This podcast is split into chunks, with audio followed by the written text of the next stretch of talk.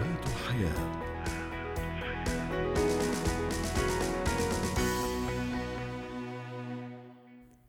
في مهارات الحياة اليوم نتحدث مستمعينا الكرام عن تحديات عدة تواجه الموظف عند انتقاله إلى مكان عمل جديد. من ضمن هذه التحديات التكيف مع بيئة العمل وتكوين أصدقاء جدد. لكن التعرف على زملاء العمل قد يكون المهمة الأصعب وقد يصبح الأمر معقدا بعض الشيء.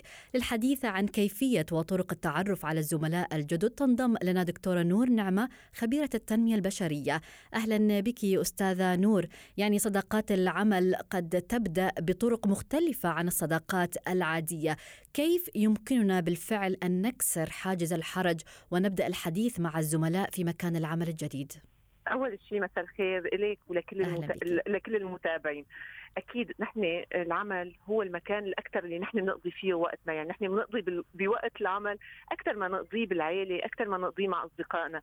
فإذا ما كان آه، مكان العمل مريح لنا بيضعف هذا الشيء من الإنتاجية.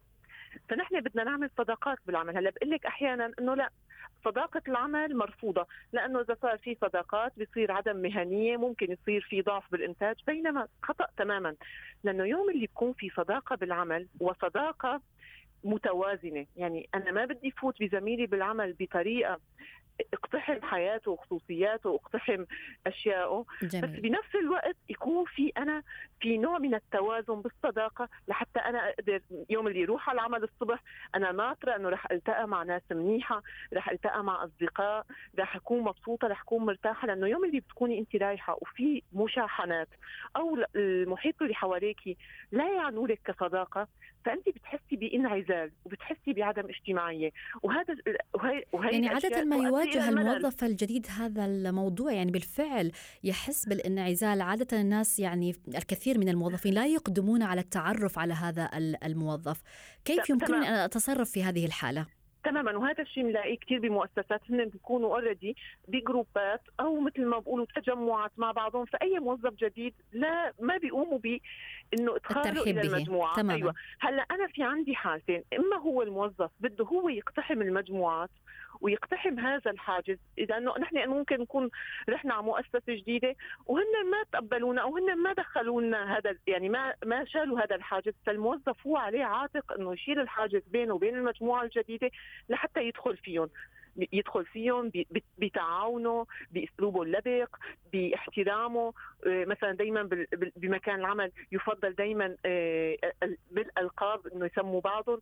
فبتلاقي إنه هن ممكن آه، رويدا رويدا يتقبلوا. أو بقى كمان على صاحب العمل إنه هو يعمل انخراط لهذا الموظف الجديد مع المجموعات. اذا هي يعني, يعني ليست يعني مسؤولية الموظف فقط؟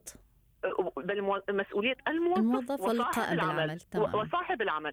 فلذلك يوم اللي نحن بنعرف إنه هذا المكان هو مكان آه، فيه صداقة فيه روح الإيجابية فيه آه، فيه مكان نحن ننبسط فيه. لأنه قلت لك أي شيء اجتماعي لا يؤدي إلى الملل. فيوم اللي أنت بيكون المكان غير اجتماعي فهو يؤدي حصرا إلى الملل والملل يؤدي إلى عدم الإنتاج يؤدي إلى الكسل يؤدي إلى يعني إلى كره مكان العمل.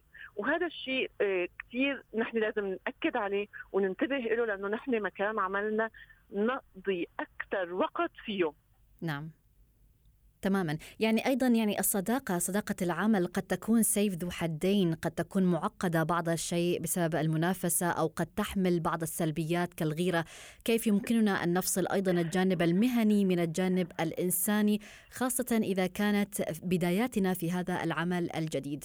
مثل ما قلتي أحيانا الصداقات هي سيف ذو حدين إما صداقة إيجابية أو صداقة سلبية. صداقة إيجابية تحمل التعاون المحبة تحمل آه، الود تحمل إنه أنا يوم اللي أنا ما فيني أقوم بعمل معين آه، الموظف الثاني قام به مكاني وإذا أنا هو ما قدر يقوم أنا قمت به مكانه. فهي هي نوع من أنواع الصداقات والتعاون الإيجابي. في أحيانا صداقة سلبية واللي هي مثل ما قلتي تحمل الغيرة تحمل التنافسية غير الشريفة. فبصير الموظف لحتى مثلا هو يظهر بمظهر أمام صاحب العمل الأشطر الأفضل المميز. فبصير تنافسه مع زملائه تنافس غير شريف. يعني أيضا يعني كيف يعني هنا أتطرق للسؤال كيف يمكنني أن أخبر الزملاء أو أعطيهم الراحة النفسية للحديث معي وعدم الخوف مني أو الغيرة أو يعني التحسب من أي تصرفات قد أقوم بها؟